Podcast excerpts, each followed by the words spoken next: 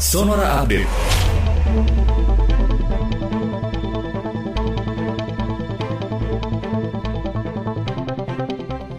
Sahabat Sonora Presiden Joko Widodo mengatakan pengoperasian Bandara Jenderal Besar atau JB Sudirman di Kabupaten Purbalingga, Jawa Tengah harus menjadi percontohan dalam pembangunan bandara lainnya di Indonesia. Menurutnya, meski pembangunan bandara belum selesai 100% dan terus berjalan, tetapi pengoperasiannya telah dimulai sehingga membuat bandara ini menjadi lebih produktif. Jokowi berharap keberadaan Bandara JB Sudirman dapat memberikan kontribusi bagi pertumbuhan ekonomi di wilayah Jawa Tengah bagian selatan, serta membuat mobilitas orang dan barang menjadi lebih baik.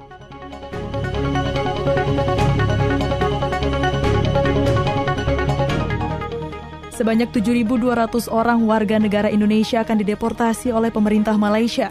Deportasi tersebut dilakukan menyusul kebijakan Malaysia yang menerapkan lockdown akibat melonjaknya kasus COVID-19 di negara tersebut.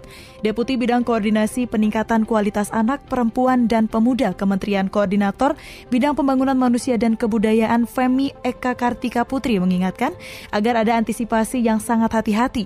Dalam proses kepulangan para WNI ini, pihaknya meminta Kementerian Luar Negeri dan juga juga perwakilan Indonesia di Malaysia memastikan mereka pulang dalam keadaan sehat.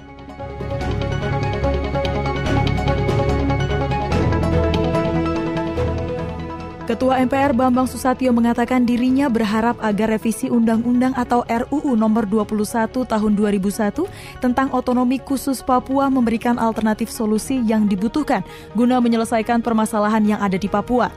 Menurutnya harus ada evaluasi secara periodik terhadap implementasi UU Otsus Papua. Dan lebih lanjut Bambang mengingatkan bahwa pembangunan merupakan proses yang berkesinambungan. Hal ini karena hakikat pembangunan harus bermuara pada kesejahteraan rakyat.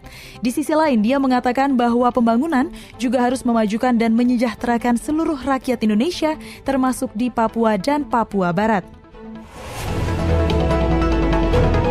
Demikian Sonora Update.